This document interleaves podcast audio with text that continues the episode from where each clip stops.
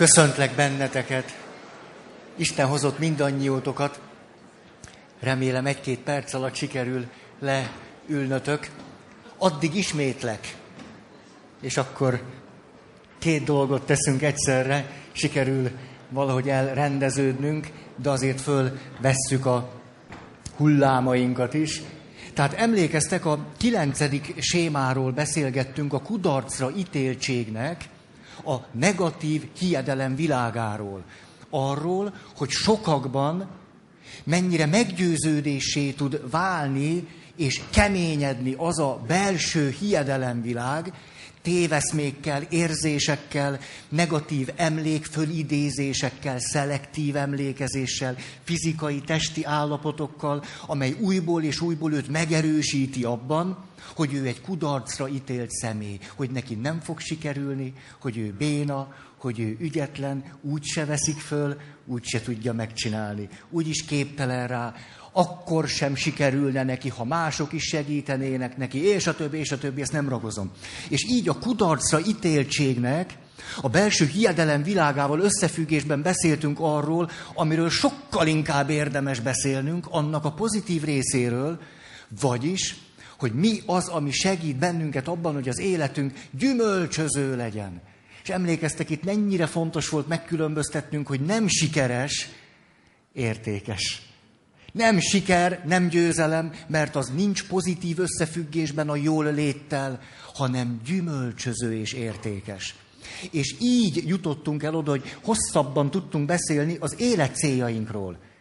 És gyönyörű, szép összefüggéseket láttunk azzal kapcsolatosan föltárulni, hogy ha vannak életre szóló, sőt halálon túlmutató életcéljaink, akkor ezek az életcélok össze tudnak kapcsolódni a legmélyebb vágyainkkal és szükségleteinkkel, fordítva is igaz, ha rátalálunk a legmélyebb vágyainkra, szükségleteinkre, azokból tudjuk leginkább a életre szóló, halálon túlmutató élet céljainkat nagyon személyesen magunkénak vallónak tartani, és akkor ebből kialakul egy világ, hogy egyszer csak az élet céljaink és a legmélyebb vágyaink, szükségleteinknek a világában nagyon világosan meg tudjuk mondani, hogy mi az, ami értékes számunkra. Egyszer csak kikristályosodnak az értékek. De mert ebben az összefüggésben kristályosodnak ki, ezek valódi értékek lesznek. És a valódi értékek eléréséhez pedig kapcsolódik az erkölcsi magatartásunk. De hogy akkor itt egy mély erkölcsiség kezd el kibontakozni, hiszen hosszú távú életcélokról van szó, a jól létről, az együttműködésről van szó, és akkor beszéltünk az erkölcsi magatartásunknak a két forrásáról. Emlékeztek, tükörneuronok és az együttérzés, és aztán pedig a felettesén és az én ideál, az igazság az igazságnak és az igazságosságnak a fölismerése és annak valamiképpen a szolgálata. Erről volt szó, és így jutottunk el még valahova, hogy mindezt meg tudjuk tenni, nem mindegy, hogy hogy tűzzük ki az élet célokat. Emlékeztek, hogy mi az, ami fontos? Nem én központú, belső életcél, spirituális életcélokkal együtt vezet a legnagyobb jól léthez, tehát belső, de nem én központú életcél, spirituális életcélokkal együtt. És így jutottunk el kudarca ítéltség összefüggésében a kreativitáshoz. Csíkszent Mihály Mihály, hogy mi az, ami nagyon segít a kreativitásban, és mi az, ami nem. És akkor most egy gyors ismétlés, de ezt nem tudom fejből, ezt el fogom mondani. Hogy mi az, amit megtehetünk, ha valakinek van kedve egy kicsit fejleszteni a kreativitását, és nem föltétlenül valami hosszú lélektani folyamatnak neki látni, hanem egyszerűen csak, na, szeretnék valamit csinálni. Kipróbálok legalább valamit. Emlékeztek, a kreativitás egyik kulcsa, hogy úgy beleszagolok egy kicsit. Úgy egy kicsit csinálom. Hát, hogy megnézem, milyen lenne, hogyha ezt csinálnám. És akkor így szóltak a pontok, meglepetés. Meglepetéseket szerezni másoknak. Merni meglepődni, csodálkozni, rácsodálkozni sok mindenre. Második, legyen minden nap egy konkrét célunk, főleg, hogyha ez a cél belső, nem én központú, esetleg spirituális cél, de konkrét és arra a napra vonatkozik. Ez akár egy reggeli elmélkedésből vagy imádságból is származhat.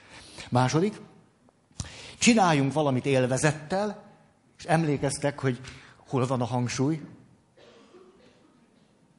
Igen, jó, meg vagyok nyugodva.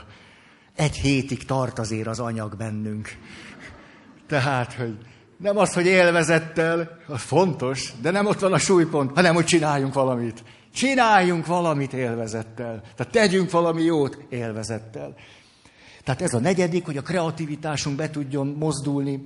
Aztán cselekvéssel, mozgással töltött időtöltések, feladatok. Aztán alakítsuk át a közvetlen környezetünket. Na, erről sokat beszéltem. Ugye? Tehát a széktől Snoopyig.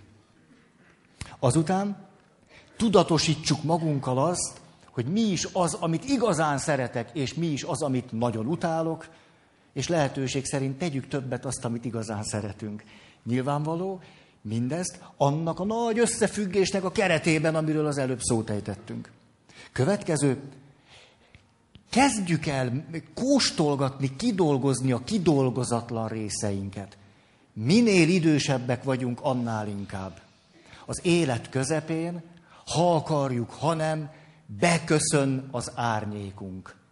Vagyis mindazok a kidolgozatlan részeink kínzóan kérik a magukét, amelyek nélkül, kidolgozása nélkül még egész jól ellavíroztunk, de egyébként a társkapcsolat összefüggésében is, a társkapcsolataink el lehetetlenülése is nem egyszer. Nem nekem integetsz. Jó. Jaj, de jó, ti itt bulisztok itt. Hát kedves vagy, köszönöm.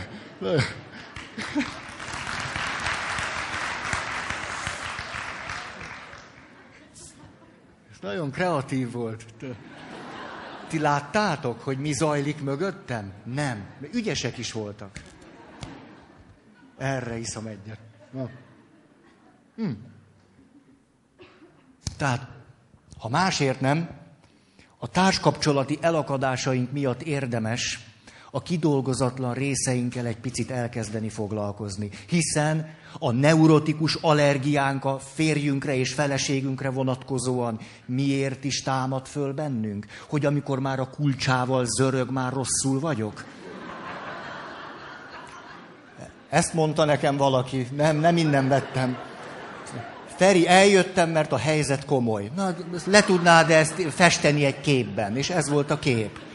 Hát otthon vagyok, minden egész jó, és hogy hallom, a kul- ez az ő kulcsa, értitek? A neurotikus allergia ráadásul nem is a másik személyére, illetve nem is a másik magatartására, hanem konkrétan, minthogyha őre a személyére vonatkozna, hogy egyszerűen elviselhetetlennek tartalak. És itt, amikor kialakul a neurotikus allergia, majd erről még ma szeretnék hosszabban beszélni, nem a neurotikus allergiáról, hanem arról, ami, amiről ezzel kapcsolatban érdemes beszélni.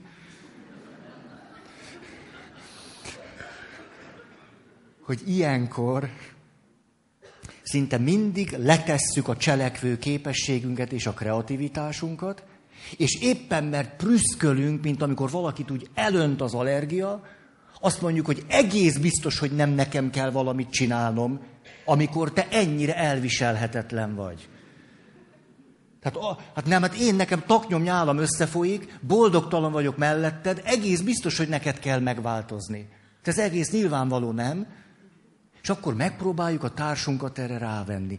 Erőnek erejével, elvárásokkal, követelőzéssel, zsarolással, boldogtalansággal, bármivel, fenyegetőzéssel, elválók és a többi. Igen ám, de a kreativitásnak éppen itt mekkora jelentősége van a társkapcsolati elakadásban, ugyanis az allergia szó nagyon kifejező, hogy pici porszemektől, pollenektől, macskaszőrtől, kutyaszőrtől, akármitől, gombaspórától rosszul leszek. Ez az én túlzott reakcióm. Tehát az esetek nagy többségében nem akarok mindent egy kalap alá venni, főleg majd, ahogy ma narcisztikus személyiségről beszélünk.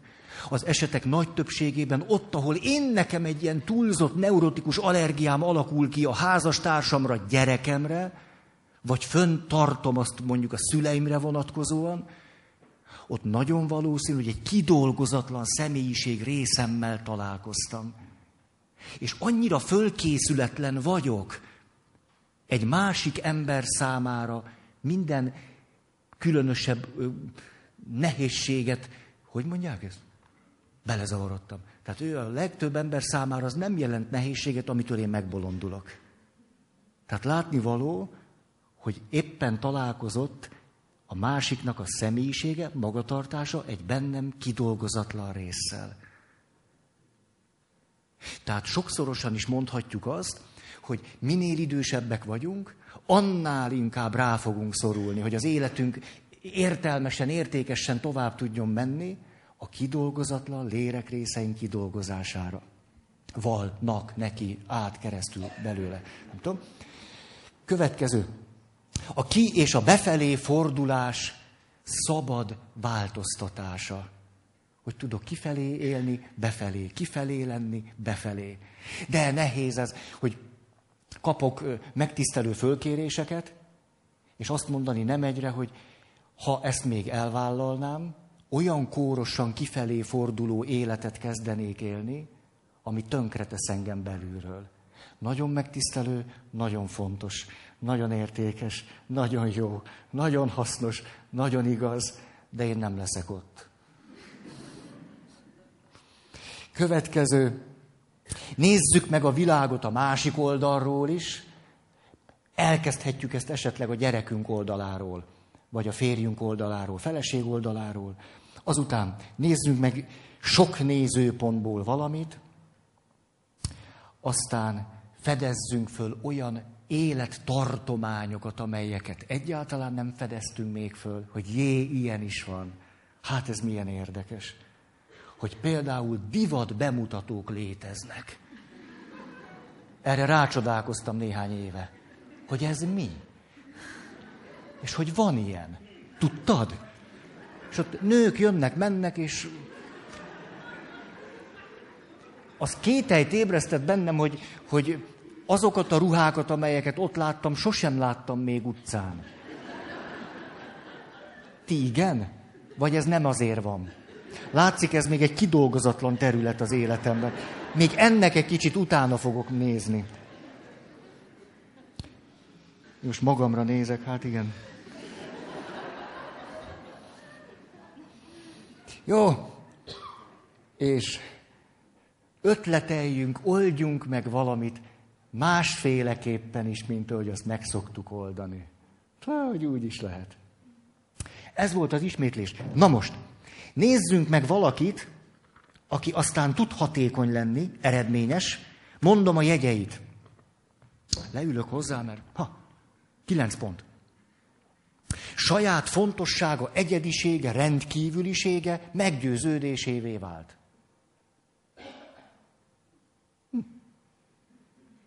el tudja képzelni a sikert, a győzelmet, egy nagyszerű, szerelmes társat.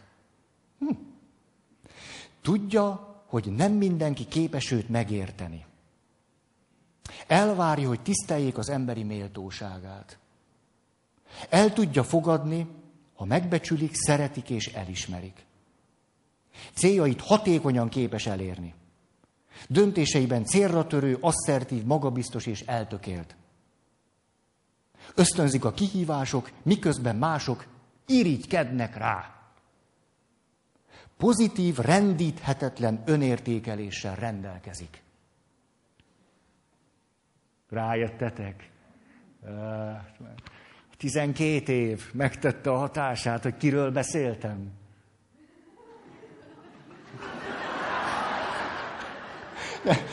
Na most, ti kire gondoltatok?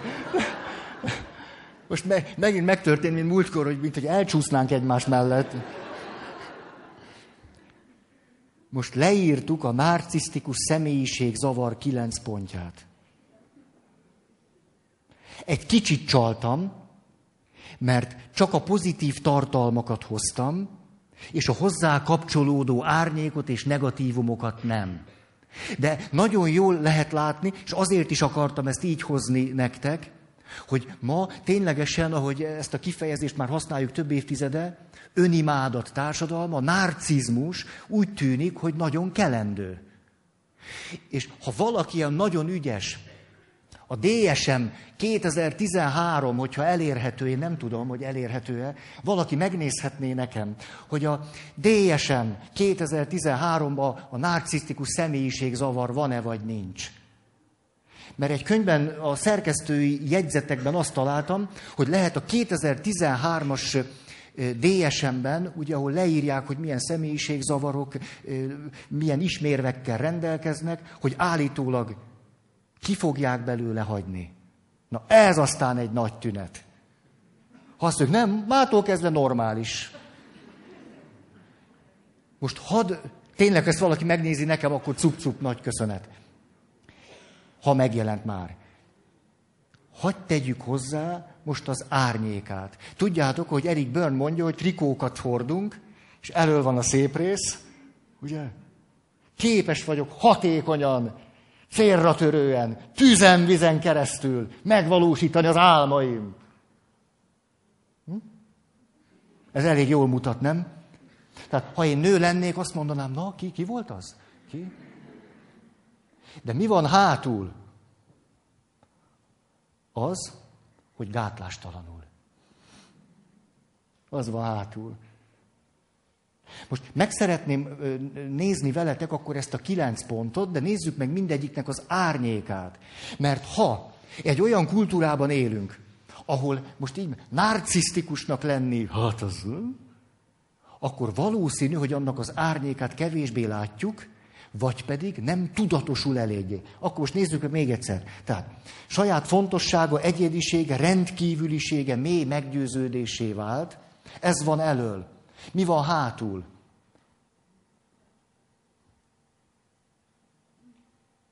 Én egy rendkívüli személy vagyok.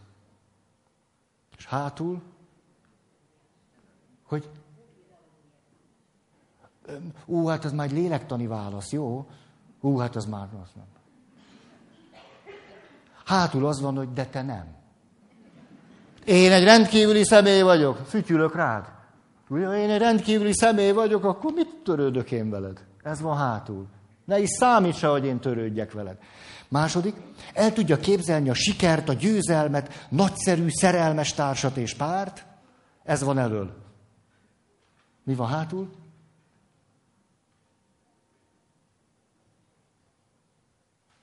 Látszik, hogy a kreativitás időbe tellik.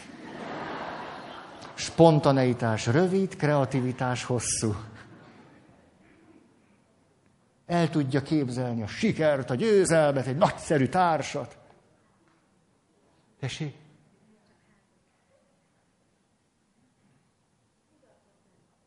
Kudarcot nem tűri? Eltaposlak.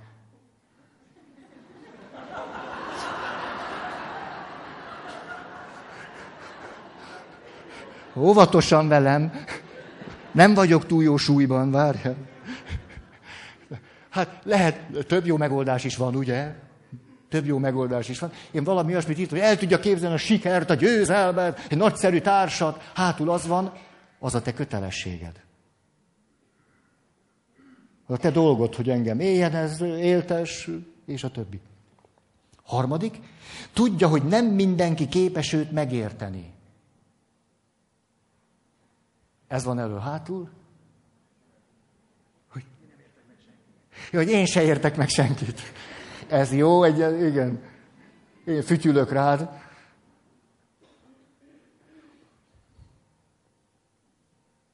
Nem, hát úgy tűnik, hogy engem nem, nem, nem értenek meg. Nem, hát a rendkívüli személy vagyok, hogy, hogy, hogy is érthetnének meg. Ez a reálisabb egyébként, ha már narcizmusról van szó. Mi lehet hátul? Nehéz, nehéz volt a mai napotok?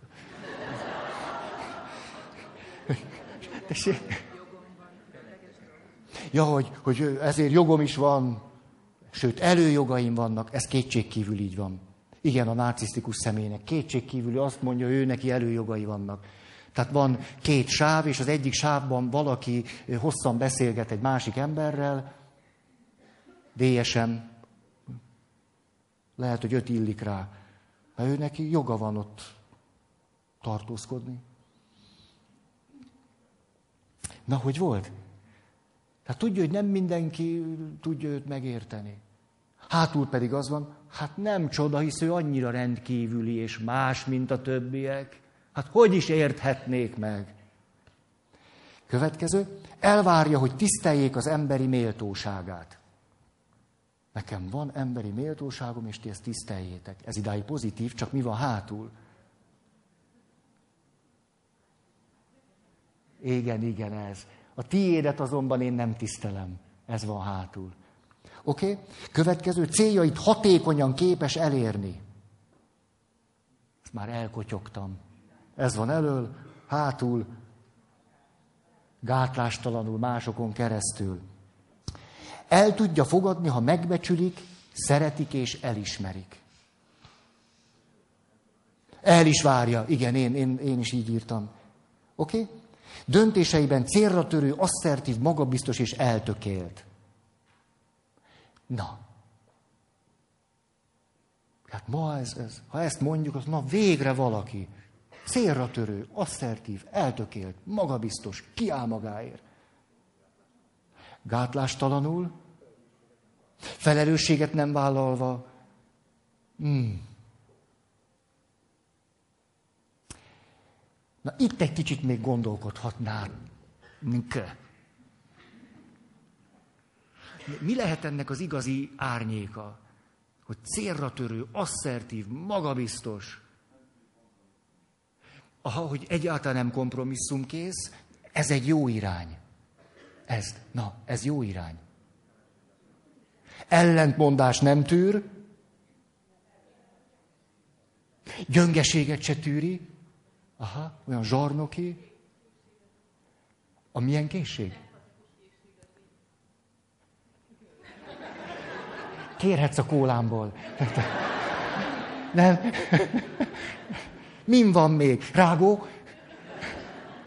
Úgy van. Tehát célra törő, asszertív, magabiztos, együttérzés nélkül.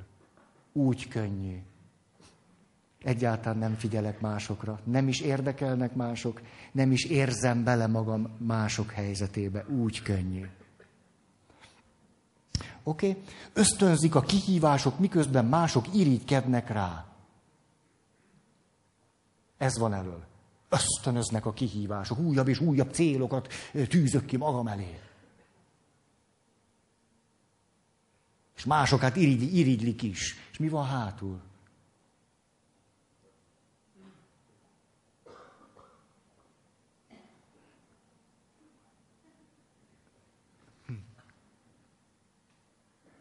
hátul valami olyasmi van, irigy mindenki másra. Aki nem őt isteníti, nem őt ajnározza, nem őt dicséri, dicsőíti. Mindenki másra ő is irigy. És az utolsó így volt, pozitív, rendíthetetlen önértékeléssel rendelkezik. Nem önbecsüléssel.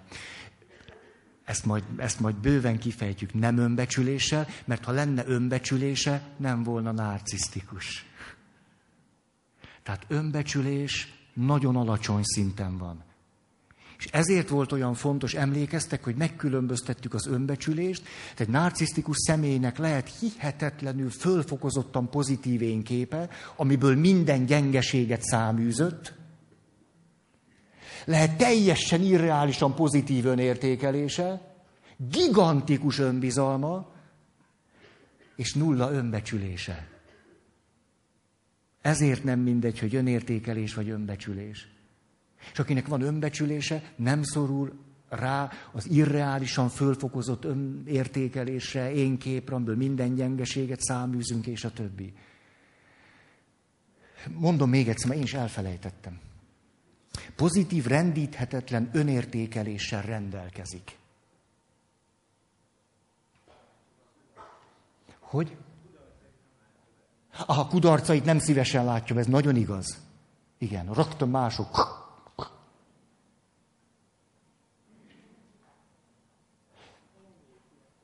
Lenézi kétségkívül, nagy, kritikus, lenéz másokat. Kétségkívül. Ő neki mindig igaza kell, hogy legyen. Igen, mint a kedves ismerősöm. Jaj, a vonaton. Ugye, megvan a vonaton. Nagy vita. Emlékeztek erre? Nem. Hát nem jártok? Vagy mi van? Na, hatalmas vita, de hárman voltunk, utaztunk a vonaton, hatalmas vita, és annyira vitatkoztak, már fiatalok voltak, hogy én már el is tűntem, ők jól el voltak egymással, és végül a feleség panaszosan azt mondja, hogy miért van az, hogy mindig tiéd kell, hogy legyen az utolsó szó? Válasz, nem kell, hogy az enyém legyen. Na, ez egy kicsit olyan, mondja, érinti.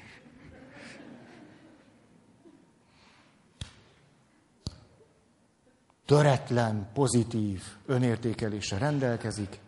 Hátul, hogy? Öntelt, na igen, igen.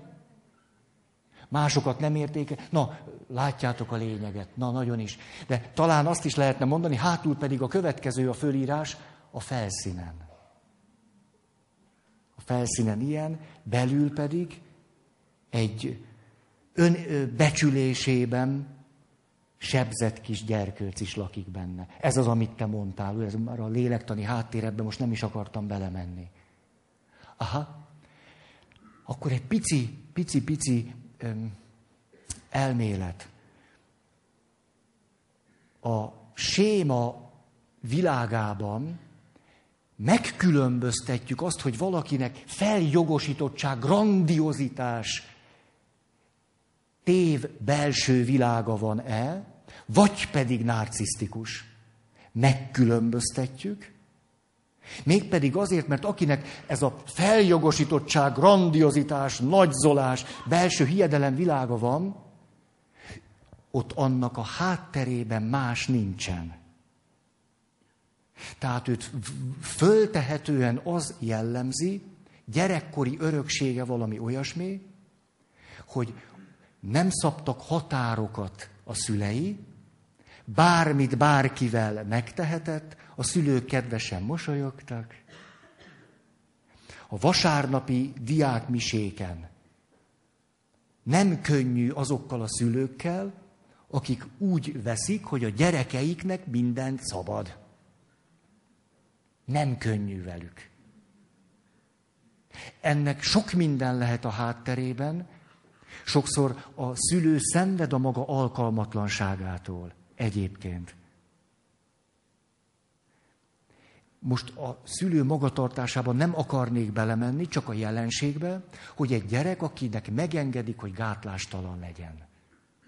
Emlékeztek az öt alapvető érzelmi szükségletre, fizikaiak mellett, ami a gyerekkorunkat jellemzi, és az egyik alapvető érzelmi szükségletünk az, hogy kapjunk határokat, kapjunk szabályokat, kapjunk az élethez kereteket, amely kereteken belül szabadon tudunk kibontakozni. Sokszor ezeken a gyerekeken egyébként a vasárnapi misén is látszik, hogy neki indul hátulról, és rohan, mint az őrült, mert, mert neki szabad, és rohan, és rohan, és ott, ott, megáll az oltárnál, és tudjátok az arcán azt a, azt a tanácstalanságot. Nincs tőle jól. Nem úgy van, mint hogy most kifutkorásza magát a szegény gyerek. Nem, ott áll, mindenki ül, ott, nyilván, nyilván, hogy nem kell ott patika csönnek, nem tudom minek lennie. Hát, hát az a jó, gyerekek, megy a nyüzsgés, ez teljesen rendben van. De az más, amikor egy gyerek kifutó pályának használja a szőnyeget. És ugye, amikor odaér, akkor közel van, látom az arcát hogy úgy áll olyan tanácstalanul, hogy most, most mi van? Nincs határ, nincs semmi, amiben belekapaszkodhatna, hogy ezt lehet, azt nem, ez így van, az úgy. Ugye a határokról sokat beszéltünk, rugalmas határok, de legyen valami, ami lehet rugalmas. Itt nincs, ez nem rugalmasság, mert nincs semmi, ami rugalmas volna.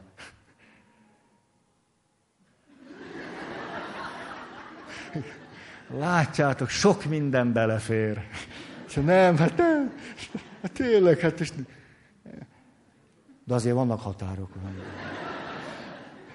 Szóval, szóval, öt érzelmi szükséglet, ha valaki egy olyan klasszikus esete a följogosítottság, grandiozitás, belső hiedelem világával élő személynek, akkor ő tulajdonképpen a gyerekkori élmény világából kiindulva él. Vagyis, hogy ő neki tényleg joga van, hogy azt megtegye. És ő tényleg azt látta, hogy az összes többi gyerekre rászóltak, és ő rá meg nem. Ezért ő neki miért ne volnának előjogai, hiszen ezt tanulta meg. Hiszen már 4, 5, 6, 7, 8 éves korában is azt látta, hogy igen, voltak mások gyerekek, ráütött, meg nem tudom, mit csinált, azt, azt már nem. Ő rám nem üt senki. Azt, most nehogy félreértsétek, amit mondok. Há, ugye nem? Jó. Szóval ez a belső világ alakul ki benne, hogy ő más, ő tényleg rendkívüli, ő neki tényleg szabad, ő neki előjogai vannak, ő azt megteheti, és másoknak kötelessége mindehez hozzájárulni, hiszen ő neki joga van hozzá, ezért ő neki joga van másokat manipulálni, zsarnokoskodni fölötte, hatalmat gyakorolni fölötte, és a többi, és a többi. Hiszen ő neki jogai vannak, ezért ő csak a jogait érvényesíti. Tehát tulajdonképpen annak a belső élmény és tapasztalat világnak a tovább éléséről van szó.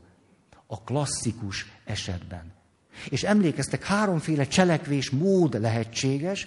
Az egyik, amikor valaki ténylegesen gátlástalanul másokat a saját céljaira kihasznál. Ez az, amikor valaki belemegy a séma logikájába, és ezt töretlenül teszi, dicsekszik, nagyképüsködik, és, és a többi.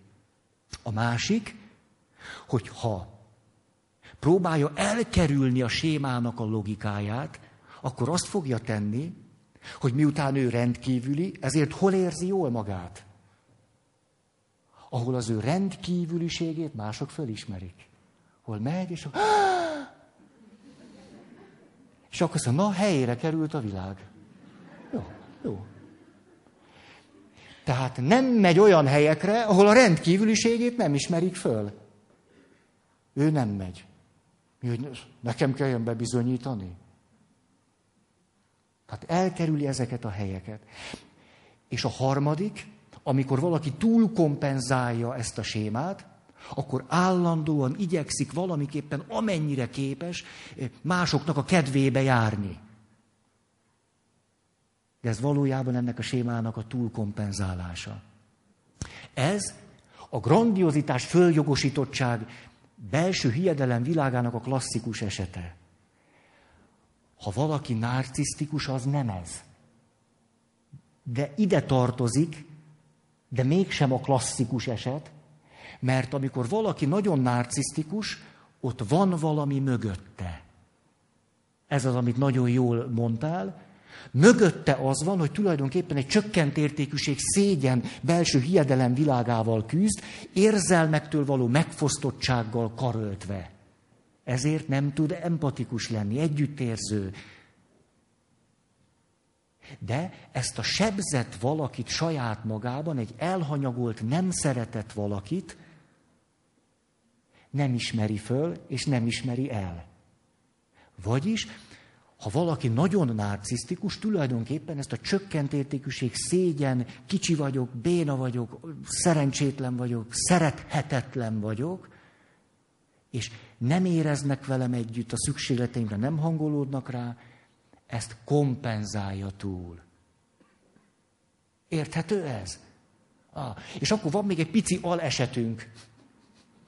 Amikor ez a csökkent értékűség, szégyen, belső hiedelem világa a függőség sémával kapcsolódik össze. Na, az olyan, papként nem ritkán találkozom ezzel, jön valaki, és azt mondja, most mondjuk vasárnap Szóval, pénteken voltam az önkormányzatnál, ott már megígérték, hogy kapok rendkívüli segélyt, és aztán el fogok menni a tudom, valamilyen szolgálathoz, ott már terve van véve, hogy ez és ez a segítségnyújtás elérhető lesz számunkra, úgyhogy most akkor atyától azt kérem, hogy most akkor adjon 6000 forintot, az tulajdonképpen hétvégénre elég lesz, és akkor hétfőn már a, a többit azt mások fogják tudni intézni, és egyébként természetesen nem fogok mindig jönni, csak ha szükség van rá.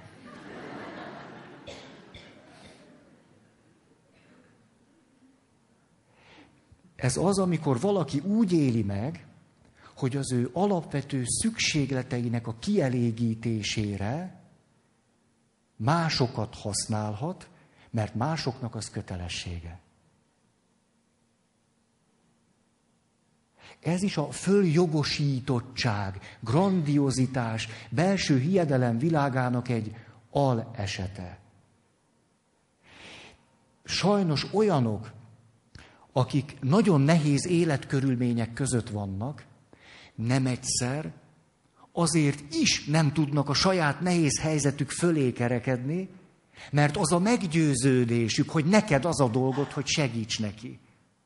Ez a mély meggyőződése, hogy azt neked kell tenni. És hogyha azt mondod, ne, ne, ne haragudjon, hogy szoktak tőlem kérni ételt. De most nézzetek rám. Hát most mit gondoltok, mi van a hűtőmbe? Hát egy éve beraktam oda egy tábla csokit, azóta ott van. Én nem tudom, hogy hidegbe összemegy a csoki, vagy megszűnik el, vagy...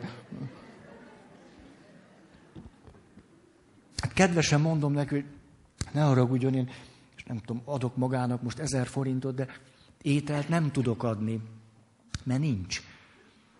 Hát nem, nem, nem, nem állnak a, nem tudom még, hát szoktam venni 5 literes, vagy mit, 5 kilós háztartási kekszet, az nagyon bejött, de, de van, hogy elfogy.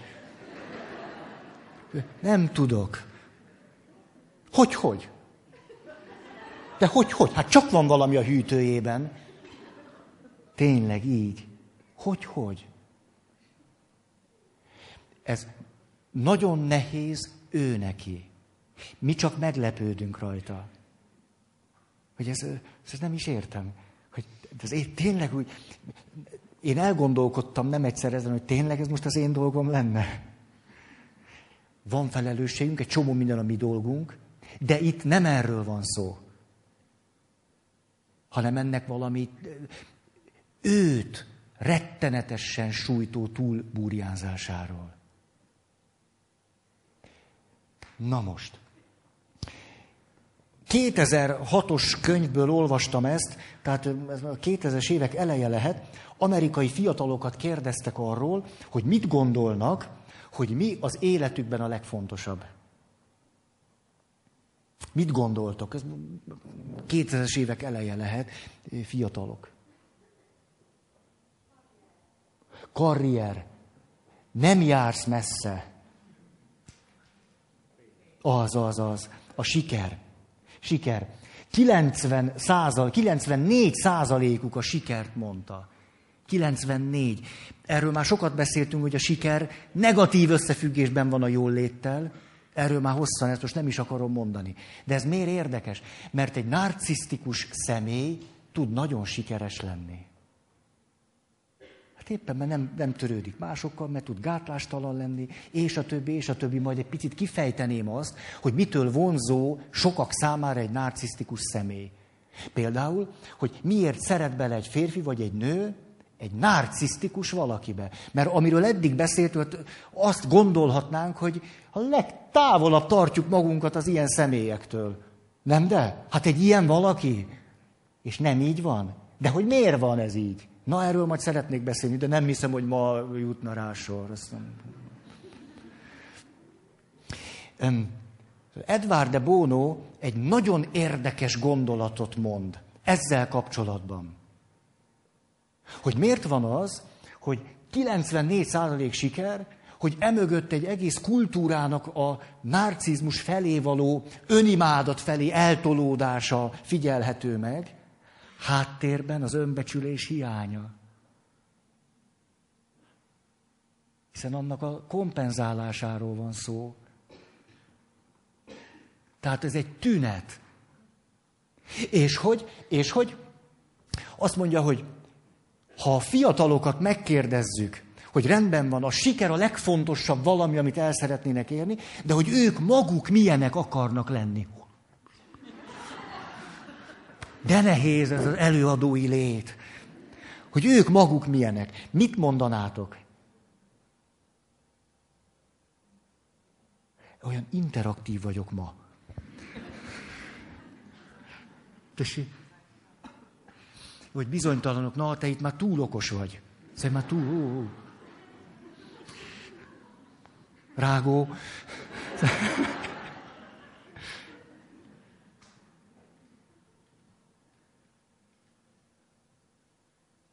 Mi, milyen akar? Ennyire öregek vagyunk. Boldog, felnőtt akar boldog lenni. Ó, hát a sérült. Én a legegyszerűbbre gondolok. Szerelmes.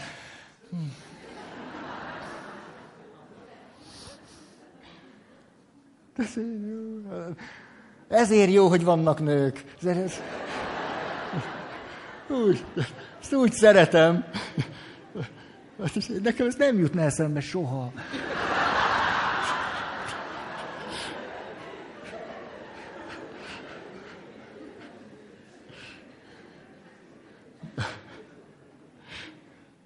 Lehet, hogy kinőttük ezt a világot, de, na, de akkor nem értjük a saját gyerekeinket.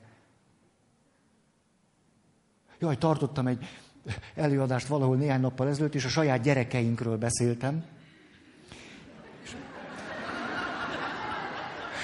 És méregettek engem elől nagyon.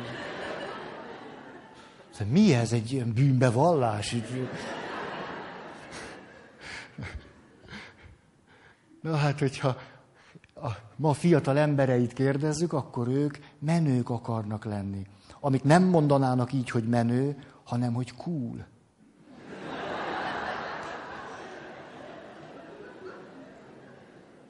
Rajta akarnak lenni a csíkon.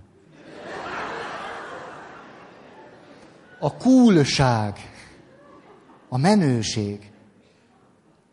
És ez, ahogyan megjelenik, hogy ki az, aki cool, az tulajdonképpen nagyjában egészében a narcisztikus személy.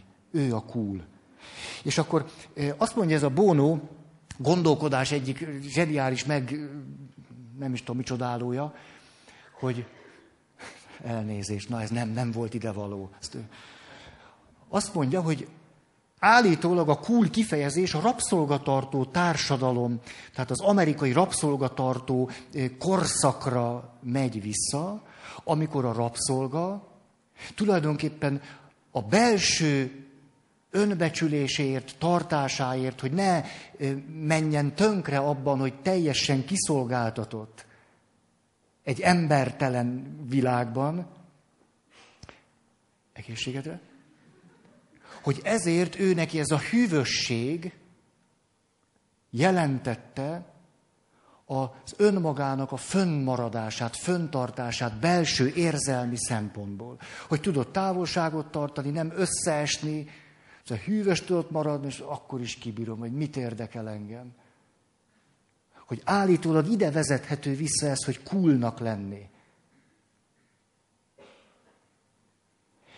És hogy, és hogy az, hogy valaki cool, hogyha ezt megnézzük, hogy akkor olyan jegyeket tapasztalunk benne, ami nem egyszer éppenséggel az együttérzés hiánya, hideg. Menő. Eljutunk a narcisztikus világig. Az, hogy valaki cool, a fiatal ember világában egyenlő azzal, hogy oké. Okay. Hogy jó. Attól teljesen függetlenül, hogy ahhoz milyen magatartásforma forma, vagy erkölcsiség kapcsolódik. Sokkal fontosabb coolnak lenni, mint rendesnek, vagy erkölcsösnek, vagy bármi másnak. Ez, na, izgalmas tünet. És a Harvard Egyetemen egy nagy kutatást végeztek arról, hogy a tévedéseink a gondolkozásra vonatkozóan milyen általános jegyeket mutatnak és hármat mutatnak. Hát, hogy aki téved, téved és téved, emiatt életcéljai nem valósulnak meg, és a többi, és a többi, most nem ragozom az összefüggést. Három klasszikus ismérve van a gondolkodásunk problematikásságának. Három. Egyik, én központuság, szűk látókörűség, rövid távú gondolkodásmód. Tehát akkor tudunk eredményesen gondolkodni, hogyha nem én központúan, nem szűklátókörűen és nem rövid távú módon gondolkodunk. Ez összefüggésben van az eredményességünkkel. És nem érdekes, hogy a kreativitás három ős ellensége, és a eredményes gondolkodás három ős ellensége milyen sok összefüggést és párhuzamot mutat. Emlékeztek a kreativitás ős ellenségei? Mikor azt gondolom, hogy állandóan fenyegetve vagyok, és meg kell védenem magam, állandóan emlékeztek, hogy nem tudom megkülönböztetni a levest önmagamtól. Tehát mindig úgy érzem, hogy engem fenyegetnek, bántani akarnak, kikezdenek. Tehát a kreativitás három ős ellensége. Állandó fenyegetettségben érzem magam, és ezért állandóan magamat meg akarom védeni. Na de ha fenyegetettségben érzem magam, akárhogy megvédem magam. A másik, hogy szinte semmi másra nem marad időm és energiám, mint a túlélésre összpontosítani, ebből fakadó cselekvés, mert a túlélés. Épp néztem egy műsort, lezuhant a gép, és bezuhant a kényszerleszállás, tenger, merült el. Valaki próbált kiúszni, mit tett egy másik ember? Fogta a lábát. Hát e, e, ez a túlélési logika. Beszéltem nektek arról, hogy kétszer hát mondjuk így, így mondom, hogy működtem közre fuldoklónak a megmentésében. És hogy mind a kétszer ugyanezt tapasztaltam. Az egyik esetben az egész döbbenetes volt, ahogyan egy úszodában úsztunk, még akkor atléta voltam, és úsztunk egymás mellett, egy olyan nagy darab srác, emlékszem, 400 méter gátfutó volt, és ott valahogy rosszul lett. És láttam, hogy úgy kezd elmerülni, és oda mentem, de hát nem kaptam én semmi képzést, nem tudtam, hogy kell, és a nagy ügyetlenül ott fogtam. De ő rosszul volt, és átkarolta a nyakam, és tehetetlen 90 kilójával. Én meg ugye, hát ez csak a ropi ott már... És akkor annyit tudtam ott, tempóztam, mint a kapus, lábtempó. Aztán életemért lábtempóztam. És így mentem lefelé, így tik, tik, centiről centire, hihetetlen, most megvan bennem az élmény, tudom, hogy, hogy a második sávba volt ott így, és hogy mentem le, már elért ide a víz. És akkor azt csináltam, hogy néztem fölfelé, ugye mert ha fölfelé nézek, akkor szám följebb kerül. Megvan ez az élmény, hogy nézek, az uszoda, a fülem már a vízbe volt, tehát már, már nem hallottam a rendes hangokat, csak a víznek ezt a furcsa csobogását, és, és így vettem a levegőt, és akkor égtek a lámpák az uszodába, és és próbáltam minden erővel taposni. Hú, ez, na ez nem cool. És amikor kezdte már a víz így verdesni a szám, akkor egy kicsit jobban lett. És akkor ő is egy picit elkezdett, és az pont elég volt ahhoz, én már annyira kimerültem addigra, hogy, hogy, hogy tulajdonképpen amennyire ő kezdett magáért tenni valamit, én pont, pont annyira voltam fáradt, hogy éppen minden erőmmel akkor valahogy kiúztam azt a két métert. És az is egy elemi élmény volt, hogy egy úszodában minden további nélkül ketten is meghalhattunk volna. Hát így éltem meg. Tehát a kreativitás három ős ellensége. Az egyik, hogy mindig fenyegetve érzem magam, és mindig, mindig meg kell magam védeni. A másik, hogy állandóan úgy érzem, hogy túl, csak a túlélésre, a túlélés, túlélés. És a harmadik, hogy ha valaki kizárólag a saját érdekeivel és szükségleteivel tud foglalkozni. És most milyen érdekes ezt összefüggésbe hozni a leggyakoribb gondolkodási tévedéseinkkel, amiről most beszéltünk. Én központuság, szűklátókörűség, rövidtávú gondolkozásmód. 90%-ban jellemzi azt a gondolkodásmódot, ami eredménytelen. Hely, haj. Nem tudom, ez olyan nagyon negatív most, amiket mondom? Csak egy kicsit. Na jó, akkor mondok egy történetet. Két fiú, nagyon kreatívan kitalálják azt, hogy bemennek egy barlangba, és fölfedezik, hogy mi van ott. Na és hát valami kell, zseblámpa, ez az ott mennek, és be, bemennek a barlangba, hátra, hú, nagyon érdekes. Hí! Hát tudnátok, itt mi van? Már a sötéten kívül.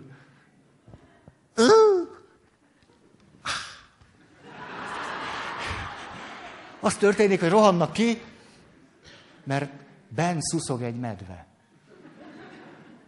És akkor az egyik srác kirohan, fogja, letépi magáról a bakancsot, és veszi fel a sportcipőt. És a másik megkövülten áll, Hülye vagy? Hát a medve sokkal gyorsabb. Hát most, most ez a sportcipőt veszed föl a medve, medvével szembe, hát 40-nel rohan. Mire aki veszi a sportcipőt, az, ne, ne, félreértesz, elég, ha nálad vagyok gyorsabb.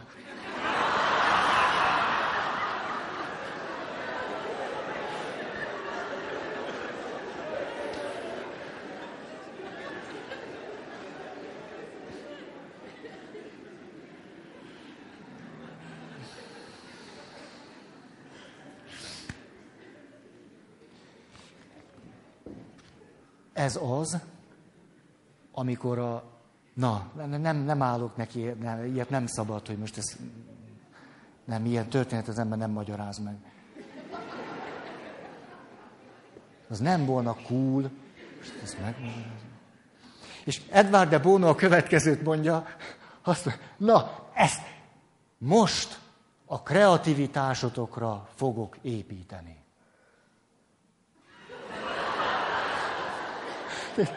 Úgy látom, hogy van egy kudarca ítéltség sémával rendelkező hallgatótársunk, hogy azt mondja Edward de Bono, kétség kívül megtaláltam az igazán cool személynek az ős képét. Ki az?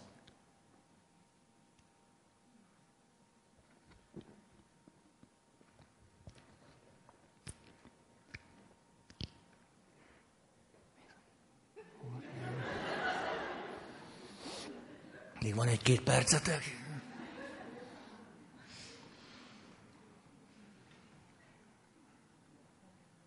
Tudjátok, hogy nem szenyózok veletek, hanem ez egy ez izgalmas idő. Na, hogy?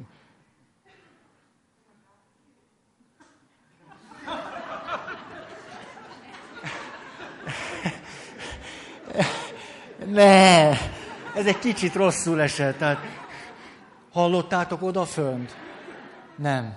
Azért vagytok olyan csöndbe. Szóval azt hangzott el úgy első megközelítése, hogy Garfield.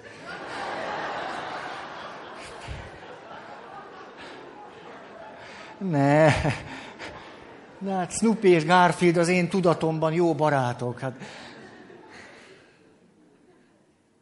Tehát az igazán cool személy ősképe rendíthetetlen nyugalom, kikezdhetetlen hűvösség.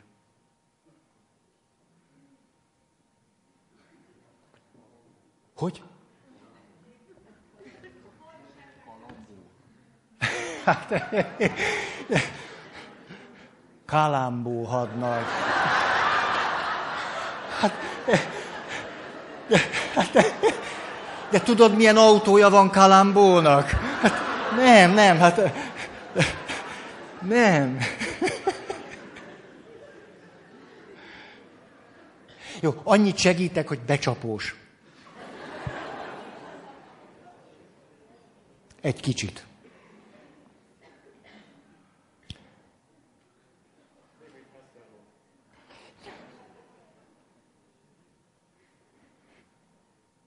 Azt mondja, hogy kétség kívül, ha meg kell találnom, hogy kit nevezhetnék, és kit látok igazán kulnak, akkor az a hulla.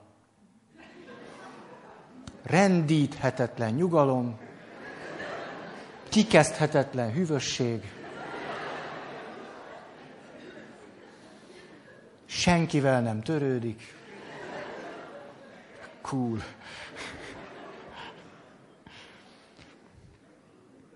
Na most, akkor nézzünk egy kicsit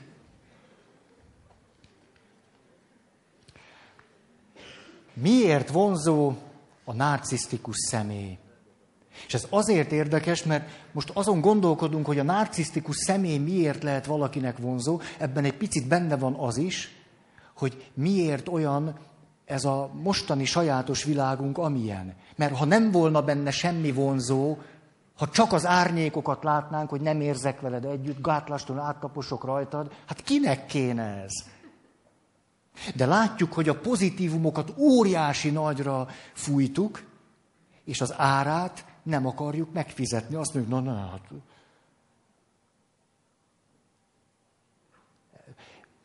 A narcisztikus személy azért tud például annyira vonzó lenni számunkra, azon túl, hogy nagyon cool, mert a narcisztikus személy elsőre hallatlanul romantikusnak tűnik. Nagyon. Ez... Nem vonunk le ebből most következtetések. Ugyanis képzeljünk el, rengeteg filmet képzelhetünk el, hogy egy nagyon cool, narcisztikus fiatalember mondjuk randizik.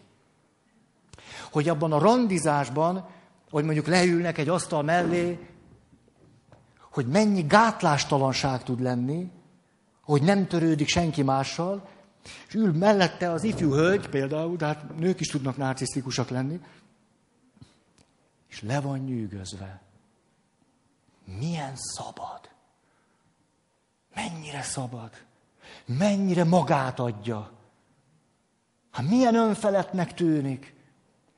Mert egy narcisztikus személy önmagát hallatlan módon rendkívülinek látja, ezt a rendkívüli idealizálást képes a társára is kiterjeszteni. Egy narcisztikus személy az első randin, képzeljünk el egy ilyen pasit, első randi. Hú, fú, na. Gyere, ezt beszéljük meg. Belenéz az első randin, másiknak a szemébe, és azt mondja, Hát amióta a te szemedet látom, van értelme az életemnek. Hát ami árad belőled, én még ilyet nem éreztem soha. Igen. Szóval, amióta együtt vagyunk, én nem tudom mi ez, de úgy érzem, hogy élek. Hát eddig, mintha nem is éltem volna. Így kezdődhet. Ez a narcisztikus világ. Mert ő magát így látja. És most ebből kapsz te is.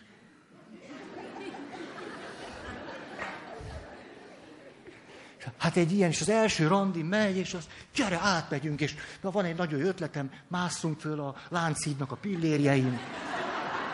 Hát mi? Hát ő neki joga van hozzá, mint főleg a szerelmes is. És te, Hát, ha én ezt a barátnőimnek elmesélem. Hogy az első, amin azt mondta, hogy mióta szemembe nézett azóta, és már két óra után a láncidnek a pirjéjei mászkálunk. Hát én még ilyet soha. És éppen most néztem valami. Na jó. Nem néztem semmit. Tehát a narcisztikusság azért tud elsőre nagyon vonzó lenni, mert úgy hat, mintha romantikus lenne. Úgy hat, mintha nagyon szabad lenne, nagyon önfelett lenne, így hat ránk. Ez az első hatása. Tulajdonképpen úgy hat ránk, hogy hihetetlenül vonzó és menő. És hogy benne van minden ígéret amire azt gondolnánk, hogy Ó, hát egész életemben valami ilyesmire vágytam. És tudjátok, mi a trükkje? Ez most egy kicsit fájni fog. Hogy a narcisztikus személy azért vonzó számunkra, te már tudod, mert előhívja a mi narcizmusunkat. És a kettő találkozik, hát fölfedezte, hogy az én szememben a világ tündököl. Hogy az én lehelletemre lett a világ, és húzódik vissza. Még jó, hogy rágózom, az egy kicsit. És ebben a látásmódban megfürdünk. Itt bekapcsolódik a szerelemnek ez az óriási értékelése, amiről tudjuk, mennyit beszéltünk róla, hogy valamennyi regresszióval jár. Ugye? Tehát akkor tudunk szerelmesek lenni, ha képesek vagyunk a társunkat idealizálni. És megéljük azt, hogy bennünket is idealizálnak. És ez nagyon jól esik, és ez teljesen rendben van. De egy narcisztikus személlyel való kapcsolatunkban emögött hihetetlen vermek fognak megnyílni. És ezért a narcisztikus személy a legkevésbé olyan valaki, aki hajlandó lenne változni. És ez segítőként nagyon érdekes, hogy nem egyszer narcisztikus személyek hoznak el másokat, hogy csináljak velük valamit, mert az tűrhetetlen, hogy nem olyanok, mint amilyennek ők elvárják. Kellett némi idő, míg rájöttem, hogy ilyen van. És a másik áll és toporog, és normális. Mert nem tud ezzel a helyzettel mit kezdeni.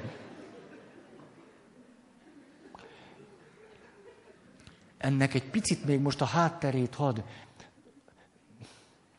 Miért van bennünk az, hogy emlékeztek, egy órával ezelőtt mondtam a neurotikus allergiát, és mondtam, hogy majd beszélek arról, amiről beszélek.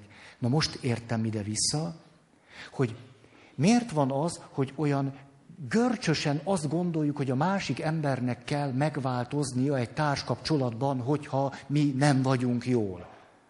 Mi, miért gondoljuk azt, hogy ez, ez a természetes, ez a magától értetődő? Egy narcisztikus mindenképp ezt gondolja. Bealázza a másikat, amiért az nem olyan. Ez megint visszavíz bennünket a személyiség fejlődésünknek a logikájához. Mikor kicsi csecsemő vagyok, aztán pici gyerek vagyok. Mi az egyetlen eszközöm arra, hogy a szükségleteimre fölfigyeljenek, és azt kielégítsék? Sírok, tehát fölhívom magamra a figyelmet, és természetszerűen nem tehetek más, mint hogy várom, hogy a másik változzon meg. Vagyis, hogy végre vegye észre, hogy én, én velem mi van, és ezért alakuljon a szerint, ami én velem van. Ez normális egyévesen. De a szerelem miatt ez a logika, de nem a szerelem, nem tudom ki mondta a szerelmet, a szerelem tök jó, cup-cup szerelem, csak megvan a maga következménye. Ugye visszamegyünk a személyiségfejlődés kezdeti lépéseig, átéljük azt, hogy valaki ránk hangolódik, szavak nélkül is kitalálja, hogy, hogy mire van szükségem, és akkor hát így hullámzunk együtt. Utána ez megszűnik, én határok bezáródnak, és akkor elvárásokká keményedik az, hogy vedd már észre, hogy mire van szükségem. És a kidolgozatlan személyiség részeink mentén elkezdjük egyre rosszabbul viselni a másikat. És erre azt a választ adjuk, hogy változ meg. Hát nem látod, hogy prüszkölök? Tehát ha a kulcsod elfordításától rosszul vagyok, hát lehetetlen, hogy neked ne kelljen egy kicsit változni. Hát nem látod, milyen rosszul vagyok? És erre a helyzetre tulajdonképpen egy kiszolgáltatott, nulla kreativitás, nulla spontaneitás, nulla szabadság, autonómia, egy gyerekkori választ adunk. És ezt évtizedeken keresztül megtesszük. És mögötte az a gondolatunk, hát ha most még én elkezdenék változni, akkor az a benyomásom, hogy még messzebb kerülök attól az állapottól, hogy te szeretsz engem. Nem? Hát így is elviselhetetlen vagy. És most én még elkezdek változni, ez hova fog ez vezetni? Hát hova? Ezért akkor azt mondom, na most már van egy határ. Na most már akkor és ezzel ellehetetlenítjük magunkat. Hiszen, és így kapcsolódik össze, a kisgyerek számára az édesanyja valóban minden szükségletet ki tudott elégíteni. A szerelemben ez újra éled, ezért aztán az elvárásaink tulajdonképpen arra vonatkoznak, hogy te egy számogadban mindent tudjál nekem megadni, és emlékeztek, hogy magassára tesszük az elvárásainkat, de hát egy csecsemőnek reális elvárás az anyukájától, hogy elégítse ki a szükségleteit. Az reális. Ezt onnan hozzuk. Nagyon magasak lesznek az elvárások. Tudjátok, hogy a magas elvárás a legjobb út a boldogtalansághoz. Tehát ha van valami, amitől boldogtalanok leszünk, az a kritikátlanul föntartott magas elvárás. A környezetünk felé.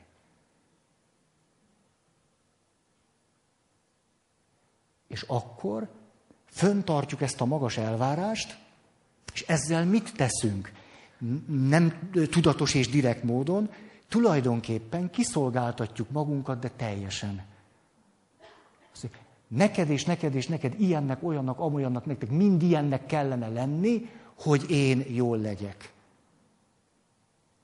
Tehát nem csak elvárásokat támasztok, hanem az autonómiáról, szabadságról, kreativitásról, mindenről le is mondok. Tehát duplán lehetetlenítem el a saját helyzetemet. Hát ebből nyilván aztán a tanult tehetetlenségnek, tanult hitetlenségnek, a tanult reményvesztettségnek egy nagyon súlyos állapota tud következni. Ahogy emlékeztek, ezt a magyar kutatást emlegetem nektek három alkalmanként, mert nem, egyszerűen nem, nem bírom megemészteni. Hogy majdnem 70 százaléka a magyar embernek passzívan szenvedő. Körülbelül 20 százalék lázadó, és alig picit több, mint 10 százalék a kreatív cselekvő. De ezt egyszerűen nem, nem, nem megy le nekem.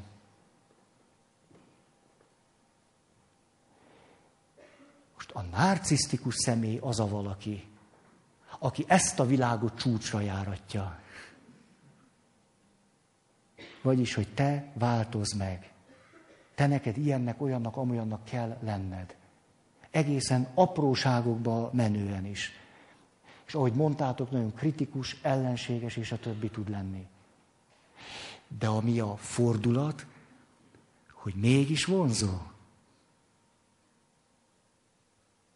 És itt van az a pont, ahol érdemes magunkon valamit dolgozni. Na ez az a pont. Hogy hogy lehet az, hogy engem egy narcisztikus személy rabul tud ejteni? Ez rólam szól. Ez az izgalmas rész.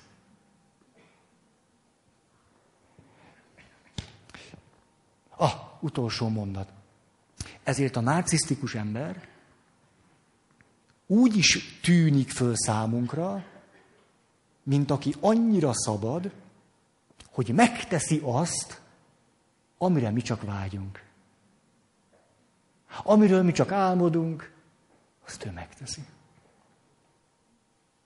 És hát egy ilyen emberhez tartozni.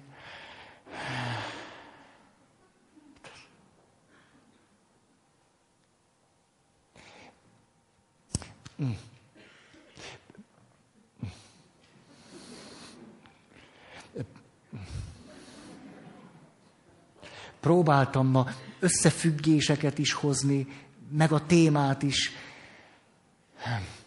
Szeretnék a következő alkalommal arról beszélni, hogy amit te elkezdtél, hogy mi áll akkor az önimádó ember élet történetének a hátterében, mivel küzd és küzdködik, hogyan tud gyógyulni. Ez az érdekes. És hogy mi mit tehetünk, ha nem is vagyunk narcisztikusak, De mit tehetünk azért, hogy főleg egy olyan kultúrában, ami a kulságnak a kultúrája, ez ne kebelezzen be minket. Hű, utolsó, még van is egy perc. Ma.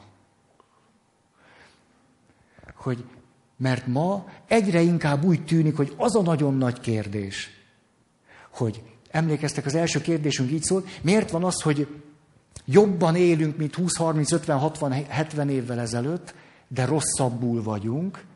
Ez miért van? Na. És a második kérdés, miért van az, hogy nem tudunk úgy élni, ahogy szeretnénk? Hogy pont nem úgy élünk, ahogy szeretnénk. Hogy még az értékeket mondjuk, de már nem úgy élünk. Á, hát most ezt nem is tudom. Lehet, hogy nem kéne annyira coolnak lenni. Na jó van. Nagyon köszönöm a figyelmeteket. Köszönöm.